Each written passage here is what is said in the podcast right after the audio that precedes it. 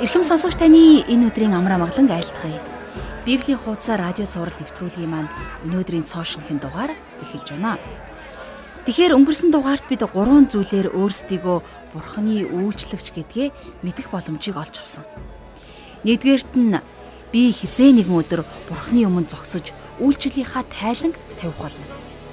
Таа ч гэсэн энэ зүйл биднийг түүнд үйлчлэхэд зоригжуулж өгдөг Христийн шүүх суудлын өмнө зөвхөн итгэгч хүмүүс бид л зогсох болно. А гэхдээ энийг та итгэгчдийн гим нүглийн шүүлт гэж битгий бодоорой. Таны гим нүглийг Бурхан хайртай хүүгээрээ дамжуулан хэдийнэ модон загалмайд бүрэн нөхөж төлсөн. Харин энэ шүүлт бол биднийг шагнал авах эсхий маань л шүүх шүүлт юм. Өөрөөр хэлбэл та энэ биендээ хэрхэн итгэлийн амьдралаараа амьдрснаа шүүгдэх болно гэсэн үг.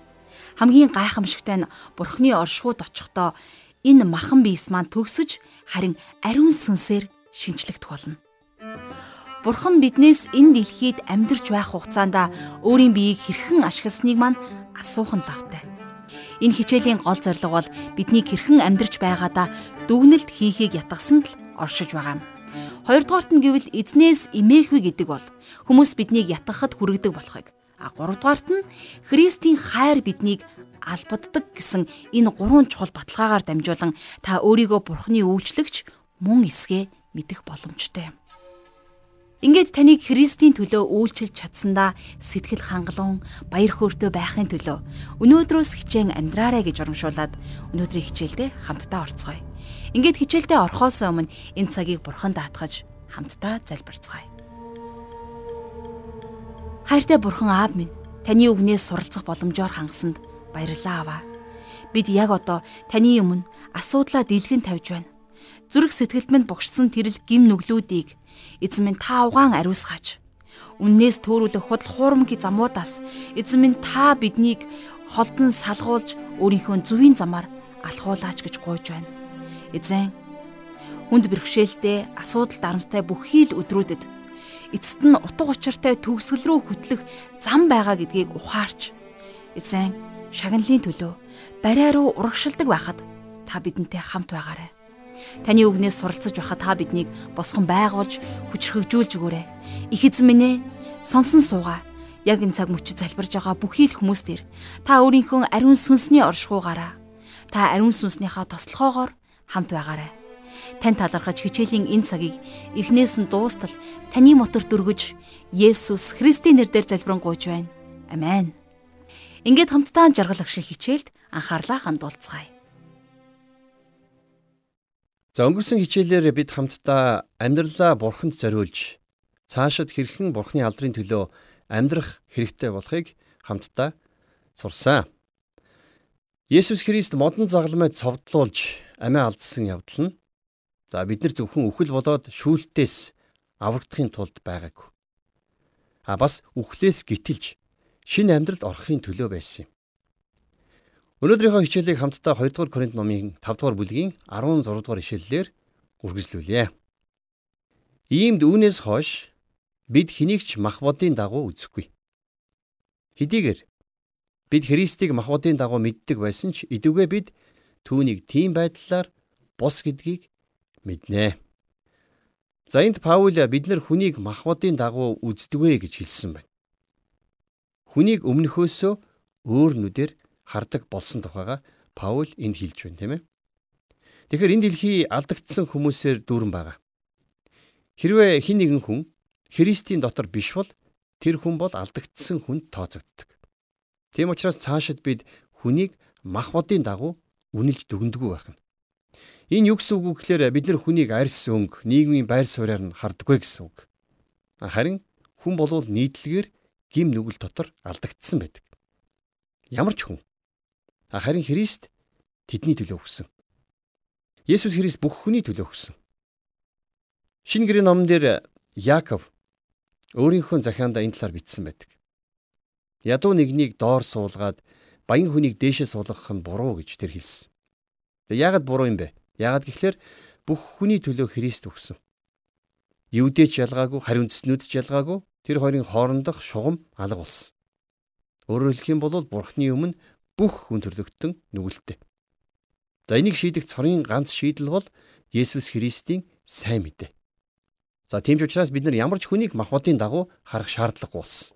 Яагаад тэгэхээр бүх хүн яг нэг л адилхан төвшөнд байгаа. Хэдийгээр бид нэр Христийг махбодын дагуу мэддэг байсан ч гэсэн идүүгээ бид түүнийг тийм байдлаар бус гэдгийг нь мэднэ гэж Паул үргэлжлүүлэн бичсэн байна. Тэгэхээр Паул Христийг махан биеэрээ байсныг мэддэг байсан гэж би хувьдаа эндээс сурч авсан. Христийг цовдлогдож байхад магадгүй тэр тэнд байсан байх гэж би бодож байна.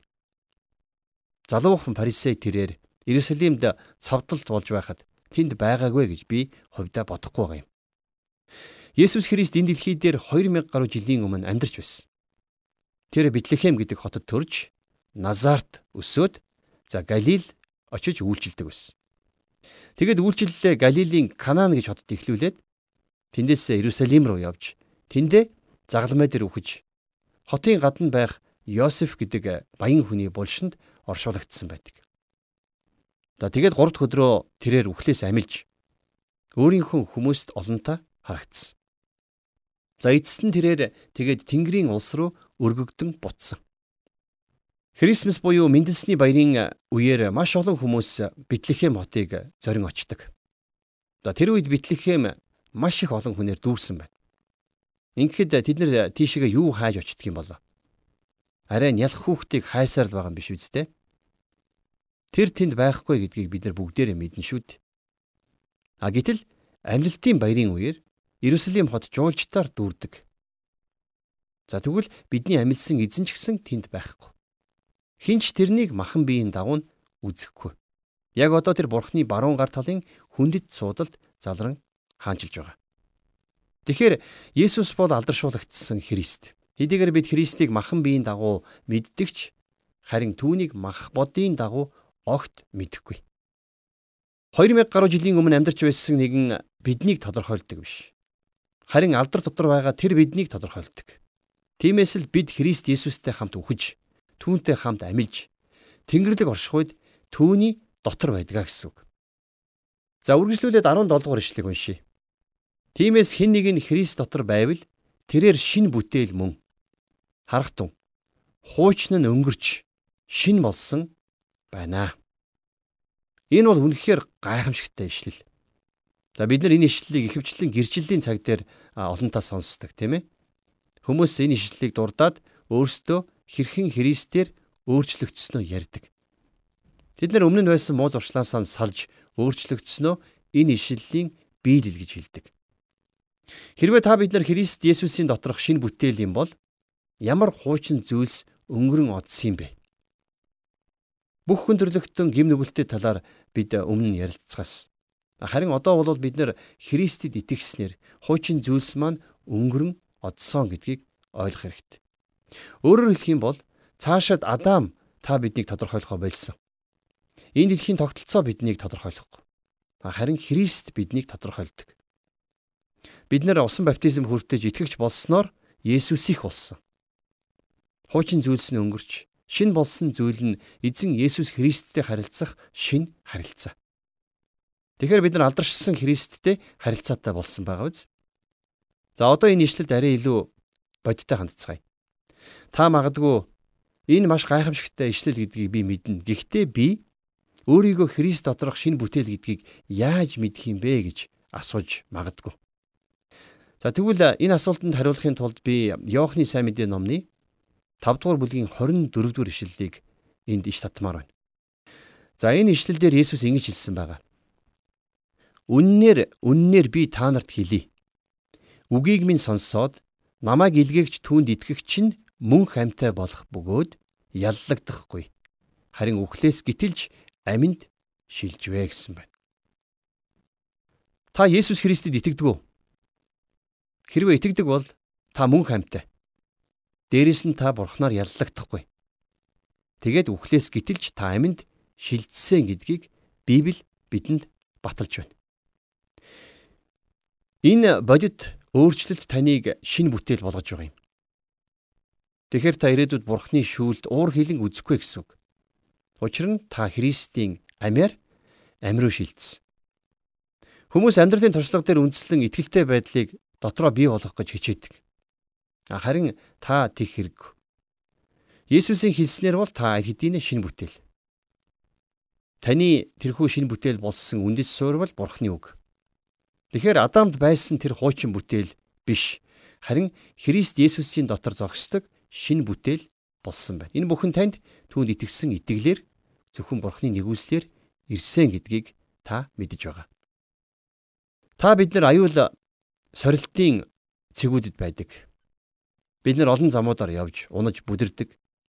А гэхдээ нэгэн гайхамшигтай үнэн бол эзэн Есүс Христ биднийг авраа зогсохгүй. Бид түүний дотор байгаа шин бүтээл юм. 5 дугаар бүлгийн 18 дугаар ишлэлийг хамтдаа уншийе. Энэ бүхэн Бурханаас ирдэг бөгөөд тэрээр биднийг Христээр дамжуулан өөртөөгөө эвлэрүүлв. Ийхүү эвлэрлийн үйлчлэлийг бидэнд өгчээ. За энд нэгэн гайхалтай санаа гарч байгаа. Тэр нь юу вэ гэхээр зэрэг эвлэрлийн үйлчлэл. За энэ эвлэрлийн үйлчлэл гэдэг нь болохоор газар сайгүй байгаа алдагдсан хүмүүс тийм ээ. За бүх гим нүгэлтэйгээ, бүх ачаатайгаа, бүх асуудалтайгаа, бүх бэрхшээлтэйгээ бурхан руу очиж түүнтэй эвлэрэх, түүний дуудлага гэсэн үг. За би энэ эвлэрлийн талаар жаахан дэлгэрүүлж ярил л да. За эвлэрэл гэдэг үг бол энэ ишлэл дээр хоёр удаа. За дараагийн ишлэл дээр бас хоёр удаа. За тэрний дараагийн ишлэл дээр нэг удаа гардаг. Харин 5 дугаар бүлгийн 21 дугаар ишлэл дээр эвлэрэл гэсэн үг гардаггүй. А гэхдээ бүх утга санааг нь нэгтгэсэн байдаг. Тэгэхээр энэ бол хамгийн чухал сэдв байгаа юм. Бид нэр өөрөөр хэлэх юм бол их чухал ойлголтын өмнө ирчгээд байна. Эхлээд эвлэрэл гэдэг нь авралаас өөр гэдгийг танд хэлэх нь зүйтэй. Эвлэрэл нь авралаас нэг алхам урд явж идэг. За энэ нь бидний гим нүгэл уучлагдахаас ч илүү зүйл. Эвлэрэл бол бүрэн өөрчлөгдсөн харилцааг багтаадаг. Энэ нь ямар нэгэн зүйл бүх талаараа өөрчлөгдөхийг хэлж байгаа юм. Хэрвээ хин нэгэн хүн Христ дотор байх юм бол тэр хүн шин бүтээл юм а гэж хэлсэн. Тэгэхээр эвлэрлийг хийдэг нэг нь Бурхан өөрөө. За тэрээр биднийг Христээр дамжуулан өөртөөгөө эвлэрүүлсэн гэж бичсэн байна тийм ээ. За тэгээд энэ үг дараагийн 19 дэх эшлэлдэр бас давтагдж байгааг хамтдаа одоо харцгаая. Учир нь Бурхан дэлхийг Христ дотор өөртөөгөө эвлэрүүлж Тэдний гин бурууг ис тооцсон ба эвлэрлийн үгийг бидэнд даалгасан билээ. За эвлэрэл энэ утгаараа бүрэн өөрчлөлтийн үйлчлэл болж байгаа. А гэхдээ хэн бүрэн өөрчлөгдөж байгаа юм бэ? Бурхан хизээч өөрчлөгддөггүй. Тэр өчигдөрч өнөөдөрч мөнхөд хэвээрээ байдаг тийм ээ. Харин Бурхан биднийг өөртөөгөө эвлэрүүлсэн гэж байгаа биз? Бурхан дэлхийг Христ дотор өөртөөгөө эвлэрүүлсэн гэж дээр бичсэн байсан. Тэгэхээр энэ дэлхий Христээр дамжиж бурхантай эвлэрүүлэгдсэн байх юм. Өөрөөр хэлэх юм бол бурхан энэ дэлхийтэй эвлэрэх алхмыг өөрөө төрүүлж хийсэн. Энэ дэлхий рүү хараад бидний гим нүгэлтэй дэлхийг бурхан олж хардаг. За Исаи номын 53 дугаар бүлгийн 6 дугаар эшлэлдэр ингэж бичсэн байдаг. Бүгд л өөр өөрийн замаар явбаа гэж. Хүмүүс үнэхээр өөр өөрсдийнхөө гим нүглийн замыг эрхэмлэн дагсан тийм ээ. Харин Есүс Христээр за Христийн үхлээр энэ дэлхий бурхантай эвлэрэх боломжтой болсон юм. За тэгэд энэхүү гайхамшигт эвлэрлийн үйлчлэлийг Есүс хийсэн гэдгийг та бид нар ойлгох хэрэгтэй. За энэтэй холбоотой би өөр нэг ишлэлийг танд уншиж өгье. За Паулийн Колосай хотынд бичсэн захидлын 1-р бүлгийн 20-оос 22 дугаар ишлэлдэр Паул ингэж бичсэн байдаг. Түүний загламын цусаар амар амгалан тогтоон түүгээр дамжуулан газар дээрх эсвэл тэнгэр дэх бүх юмсыг өөртөөгөө эвлэрүүлсэнийг таалдаг. Хэдийгээр урд нь та нар ёрын үйлсийг үйлдэж хөндөрсөн бөгөөд дайсхинсан сэтгэлтэй байсан боловч одоо бол тэрээр махбодынхон үхлээр эвдрүүлж өмнөө та нарыг ариун өөсөвгүй бөгөөд гим зэмгүй болгосон гэж. За тэрээр гиснээрээ Есүсийг хэлж байна. За мөн Филиппо номын 20 дугаар бүлгийн 10 дугаар эшлэлдэр Паул юу гэж бичсэнийг бас харьцуулж харъя л да. Энэ нь Есүсийн нэрт тэнгэр газар дээр газрын доорх бүгд өвдөг сөгдөж гэж бичсэн баг. За Есүсийн нэрээр тэнгэр газар газрын доорх бүхэн өвдөг сөгднө гэж энд хэлсэн байна. За тэгэхээр энд газрын доорх гэдэг нь юг хэлж яана гэж та бодож байна? За энэ бол тамиг хэлж байна тийм ээ. За Колосой номын энэ ишлэл дээр эвлэрлийн талаар хэлэхдээ зөвхөн тэнгэр газрыг дурдсан байсан. Там бол хизээж бурхантай эвлэрдэг. Хэдийгээр тамд байгаа өвдөг бүхэн түүнд сүгдөгч зөвхөн тэнгэр болон газарт байгстал бурхантай эвлэрэх юм. За ямар арга замаар тэд нэр бурхантай эвлэрдэг вэ гэдгийг одоо Колосеотынд бичсэн Паулийн загтлын 1-р бүлгийн 21-с 22 дугаар ишлэлээс үргэлжлүүлэн уншийе. Хэдийгээр урд нь та нар ёрын үйлсийг үйлдэж хөндөрсөн бөгөөд дайсхансан сэтгэлтэй байсан боловч одоо бол тэрээр махуудынхон үхлээр эвлэрүүлж өмнөө та нарыг ариун өөсөйгүй бөгөөд гим зэмгүй болгосон гэж. Тэгэхээр Христийн үхэл дэлхийг бурхантай эвлэрүүлсэн. Бурхан өөрчлөгддөггүй шиг бурхан эвлэрүүлэгддэггүй. Харин тэр эвлэрүүлдэг. Тэр Христийн үхлээр энэ дэлхийд эвлэрсэн. Христ үхснээр энэ дэлхий бурхантай эвлэрдэг. Адам эдэн цэцэрлэгт гим үлдэхэд ариун бурхан тэрнийг аврахаар хүрээг. Харин бурханд Адамын гим нүглийн талаар өөр хийх зүйл байсан. Бурхан хүнийг эхлээд шүүх ёстой байсан, тийм ээ? За Изекиэл номын 18 дугаар бүлгийн 20 дугаар ишлэгийг харах юм бол нүгэл үлдэгч нь ам өөхөх болно гэж. Тэгэхээр нүглийн төлөөс нь үхэл гэдгийг Бурхан тодорхой бичсэн байдаг. За мөн Эхлэл номын 2 дугаар бүлгийн 17 дугаар эшлэлдэр Бурхан Адамд хандан хэлэхдээ Түүнээс идсэн тэр өдөртөө л чи зайлшгүй үхнэ гэж хэлсэн байдаг. Адам тэр э, жимсийг идсэн тэр өдөртөө бие махбодоор биш харин сүнсээр үхсэн. Харин махан биеэрээ 900 жилийн дараа тэр үхэж өргөцсөн. Адам сүнсний хувьд үхэхэд тэр бурхнаас хөндөрн салсан. За ингэснээрээ тэрээр бурхантай харилцах чадваргүй болсон байна. За энэ бол яахын аргагүй өнөөдрийн энэ дэлхийн нөхцөл байдал мөн байгаа биз? Тэгэхээр бурхан энийг шүүх ёстой байсан болохоор л хийсэн. Бурхан энэ бүхнийг шүүх ёстой байсан ч гэсэн Христ үхснээр энэ дэлхийн нөхцөл байдал өөрчлөгдсөн. Өнөөдөр бурхан алдагдсан дэлхий рүү мутраа сунгаж байна. Бурхан өнөөдөр алдагдсан дэлхийд хандаж над руу ирээчээ гэж урьж байна. Энэ дэлхийн хамгийн нүгэлтэй хүн ч гэсэн бурхан дээр очих боломжтой. Үнэн дээр таны хэн байхаас үл хамаарч та бурхан дээр очих боломжтой шүү. Ягд үгэвэл Есүс Христ бидний төлөө хүч. Ариун бурхан биднийг түүнээс болж шүүхгүй болсон. Харин одоо бурхан өөр дээр нь ирэх хүмүүсийг аварч байна. Есүс Христ бүх шүүлтийг өөр дээрэн үүрч ингэснээр энэ дэлхий бурхантай эвлэрдэг. Та бурхныг аргалах гэж юу ч хийх шаардлагагүй. Бурхан таныг цогж унгах гээд бороохоо бариад булангийн цаан зогсоог. Бурхан танд уурлаагүй. Бурхан таныг үзэн яддаггүй. Харин эсэргээр бурхан танд хайртай. Тэр таныг хайрлж байна. Христ бидний гмийг шүүхээр биш харин бидний гмийн өрийг төлөхөөр энэ дэлхийд ирсэн. Та санаж байна уу? Иохан номын 8 дугаар бүлгийн 1-ээс 11 дугаар ишлэлдэр гардаг нэгэн завхаарч байхдаа баригдсан эмэгтэйн тухай үйл явдал байдаг тийм ээ. За тэгээд эзэн Есүс хоёр нүртэй шашны удирдагчдад хандаж та нарын дундаас нүгэлгүй нэхлээд энэ эмэгтэй рүү чулуу шид гэж хэлсэн байдаг. Тэгээд Есүс газар суугаад шорон дээр ямарваа нэгэн зүйлийг бичсэн гэж Библиэлд байгаа. За тэгвэл хуучин гэрээний зүнч Иремайгийн номын 17 дугаар бүлгийн 13 дугаар ишлэлдэр эзэн болох амьд усны ундрагыг оргисон тул иргэн буцагч хүмүүс доод ертөнцид бичигдэх болно гэж бичсэн байдаг нь үнэхээр сонирхолтой. Есүсийг ингэж хэлсний дараагаар фарисеучуд хамгийн ахмадаасаа эхлээд сим симхэн явцгаадаг. За тэгээд эцэст нь Есүс Христ өнөөх эмэгтэй хоёр л үлдсэн байсан. За яг үнэндээ бол тэр эмэгтэй рүү чулуу шидэх бүрэн эрэхтэй цорын ганц хүн байсан. Тэр бол Есүс.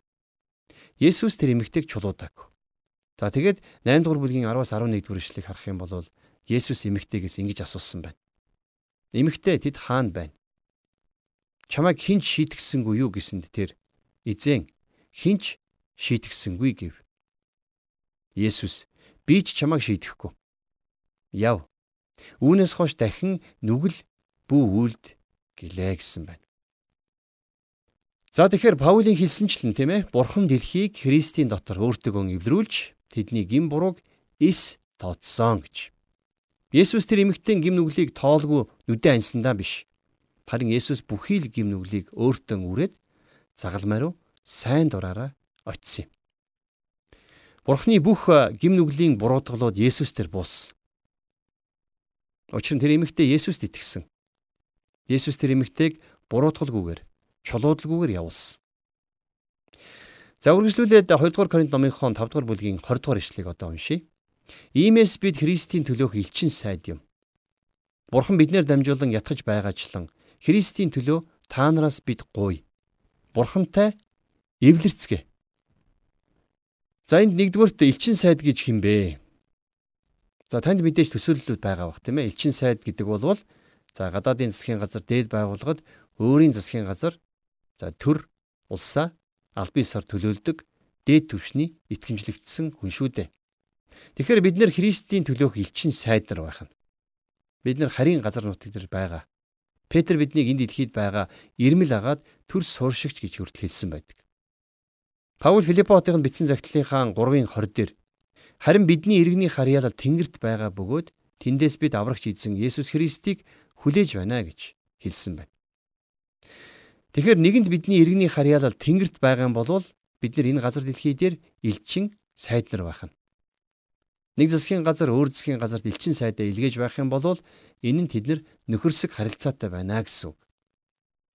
За тэгвэл энэний цаана бас бурхан энэ дэлхийд нөхөрсөг хандсан хിവэрэ байгаа гэдэг ойлголт давхар явж байна тийм ээ. Бурхан биднийг өөрийн элчин сайд байхаар илгээсэн. Нэг өдөр тэр өөрийн элчин сайдуудыг буцаад эх оронд нь дуудах болно. За тэгээд шүүлт эхлэх болно. Хүн гим нүгэл үлдэхэд ариун бурхан энэ дэлхийгээс нүрээ буруулах ёстой байсан. А инкийнхэн оронд харин бурхан хүнийг хайрлаж тэр байтугай өөрийнхөө цорын ганц хайртай хүүг хүмүүний төлөө загалмай дээр өхүүлэхээр илгээсэн. Есүс бидний өмнөөс ял шийтгэлийг үүрсэн учраас одоо ариун бурхан энэ дэлхийд хандаж над дээр ирээрээ гэж хэлэх боломжтой болсон гэсэн үг. Бид болвол түүний элчин сайд нар. Түүний элчин сайдын хувьд бид нар хүмүүст хандаж Бурхан таныг аврах болно гэж хэлэх эрхтэй. Бурханы хүнээс хүлээж байдаг цорын ганц зүйл болвол хүн өөрийг нь таньж мэдээсэ гэдэгт л оршдог юм. Бурхан таныг шийтгэхийг хүсдэг. Харин Бурхан бүх хүнийг өөртөө ирээсэ гэж хүсэж урьдаг юм. Тэгэхээр Бурханы элчин сайдынхаа хувьд Бурхантай эвлэрцгээ гэж хэлэх эрх бидэнд байгаа. Та бурхны зөргсдөглийг зөөлөх гэж нулимс урсгах шаардлагагүй. Яагаад гэвэл тэр танд аль хэдийн хайрт. Тэр таныг аврахыг хүсэж байгаа. За яагаад гэдгийг харин би таныг 21 дугаар ишлэлээс хараасаа гэж хүсэж байна. Хамтдаа 21 дугаар ишлэгийг уншийе. Нүглийг үл мэдгч түүнийг бидний төлөө тэрээр нүгэл болгосны учраа түүний дотор бид бурхны зөвхт байдал болох юм аа. За эндээс харах юм бол Есүс Христ та бидний үүрхэстэй байсан нүглийн шийтгэлийг бидний өмнөөс үүрсэн байна тийм ээ. За нүглийг үл мэдгч тэр гэж хэлснээрээ Есүсийг хэлж байна. За бид түүн дотор Бурхны зөвхт байдал болох юм а гэж. Тэгэхээр Есүс бидний нүглийг үүрээд харин оронд нь бидэнд өөрийнхөө зөвхт байдлыг үүрүүлсэн. Өөрөөр хэлэх юм бол тэр миний гим нүглийг өөртөө авч За ингэснээр би түүний тэнгэрлэг оршихуйд очих эрхтэй болсон гэсэн үг. Энэ бол үнэхээр гайхамшигтай. Есүс Христ энийг таны бас миний төлөө хийсэн байна. Тэгэхээр энэ гайхамшигтай үгийг та хүмүүст заавал тунхаглаарай. Та хинч байсан, хаанч байсан, таны ямар байх нь хамаагүй. Харин эвлэрлийн энэхүү үгийг алдагдсан дэлхийд тунхаглах ёстой. Энэ дэлхий танаас сонсох хэрэгтэй байгаа нэгэн чухал мэдээ бол Христийн дотор бүх хүн бурхантай эвлэрэх боломжтой гэдэг мэдээ юм шүү дээ. Бурхан өчигдөрч, өнөөдөрч мөнхөд өөрчлөгдөшгүйгээр хിവэрэ байдаг. Христ таны төлөө бас бүх хүн төрлөختний төлөө загалмай дээр өгсөн шиг Бурхан тань руу тийм л сэтгэлээр хандаж байдгаа гэсэн энэ л үг хүмүүст өнөөдөр хэрэгтэй байгаа. Энэ дэлхийн үнэндээ та биднээс яг л ийм үгийг сонсох хэрэгтэй байна. Хүн төрлөختөн бурхантай эвлэрэх хэрэгтэй. Харин тэд нар бурханд итгэж бурхан дээр очих ёстой юм. Хамтдаа энэ үгийг тунхаглан амьдарцгаая. Тэгэхээр та амьдралдаа бүхнийг шинээр эхлэхэд бэлнэ үү? Магадгүй та яг одоо зүрх сэтгэлдээ өөрийгөө огтоор хүн байсан ч болоосэй гэж хүсчээж болох юм. Тэгвэл танд яг одоо боломж байна гэж би хэлье. Бурхан таныг хүлээж төвчээртэйгээр харуулсан хിവэрэл байгаа учраас тэр загалмайд өөрийгөө золиослсон. Тиймээс гим нүгэлтэйгээ та бид Есүстэй хамт үхэж, түүнтэй хамт амилж, Тэнгэрлэг оршихуд Бурхан эцгийн дотор байх болсон. Энийг мэдэх нь өнөөдөр үнэхээр гайхамшигтай цаг байлаа. Христ доторх шинэ бүтээл болсон цагаасаа л зүрх сэтгэлд чинь цоо шин амьдрал ихэлсэн гэж би таныг урамшуулж байна. Үзэж туулсан, амсаж шархалсан бүх зүйлтэй нь өнгөрөн одож Харин одоо та бүхий л зүрх сэтгэл, итгэл, оюун бодол, сүнсээрээ харилцах тэр шинэ харилцаатай болсон гэсэн үг. Өнөөдөр бид алдаршсан Христтэй харилцаатай болсон хосгүй их өрөөлтэй, ивэлтэй хүмүүс мөн энэ хичээлээс онцгойлон тэмдэглэж авсан зүйл бол Бурхан биднийг Христээр дамжуулан өөртөөгөө эвлэрүүлсэн тухай гэсэн хэсэг байсан. Энэ үнэхээр гайхамшигтай хичээл.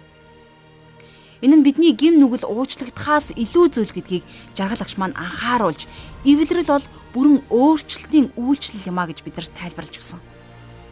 Бурхан хизээч өөрчлөгдөхгүй. Амен. Мөнхөд хിവэрэ байх болно Тэр биднийг Христ дотор өөртөөгөө эвлэрүүлсэн болохыг маш ойлгомжтойгоор тайлбарласан нь миний сэтгэлийг их хөдлөлөө. Яг одоо эзэн Есүс Христэд талархах сэтгэл намайг үнэхээр эзэмдэж байна. Тийм ээ тэр бол зөвхөн гим нүгэлтэд дэлхий рүү харж, өрөвдөж, хайрлаж, өөрийн ариун амиараа эвлэрлийг авчирч чадсан нэг. Эвлэрлийн үйлчлэлийг тэр өгсөн учраас өнөөдөр бид Христийн төлөөх элчин сайдууд болсон. Энэ хичээл амьд ариун бурхны амьсгалснаар зүрх сэтгэлд минь гүн гүнзгий нутагшин үлдэж байна. Ингээд ивэл дүүрэн энэ цагийн төлөө эзэн бурхандаа талархлыг өргөөд хичээлээ өндөрлөе. Хамтдаа залбирцгаая. Дээдийн дээд хаадын хаан болсон эзэн бурхан минь та биднийг өөрийнхөө дотор шинэ бүтээл болгон дуудсанд баярлалаа аваа. Та Христээр дамжуулан бидэнтэй эвлэрсэн шиг бид ч гэсэн таны эвлэрлийн ажлыг хийх элчин сайдууд гэдгийг ойлгуулж өгсөнд үнэхээр талархаж байна аваа. Бид бол таны хайртай хүүгийн цусаар энэ их үнээр олдсон хүүхдүүд. Тиймээс та биднийг Христ доторх шинэ бүтээл, өөрийнхөө ариун сүм гэж тооцсон. Харин энэ их хിവэлийг бид энэ амьдралынхаа туршид зөв зүйтэйгээр илүү их үр жимстэйгээр ашиглахад та туслаарай. Бид таны үгийн дагуу элчин сайдын үүргээ итгэмжтэйгээр гүйцэтгэхэд та бидэнтэй хамт байж та бидэнд туслаарай. Бүхий л ам амьдралаа өдөр хоногудаа танд өргөж Есүс Христийн нэрээр залбирanгуйж байна. Амен.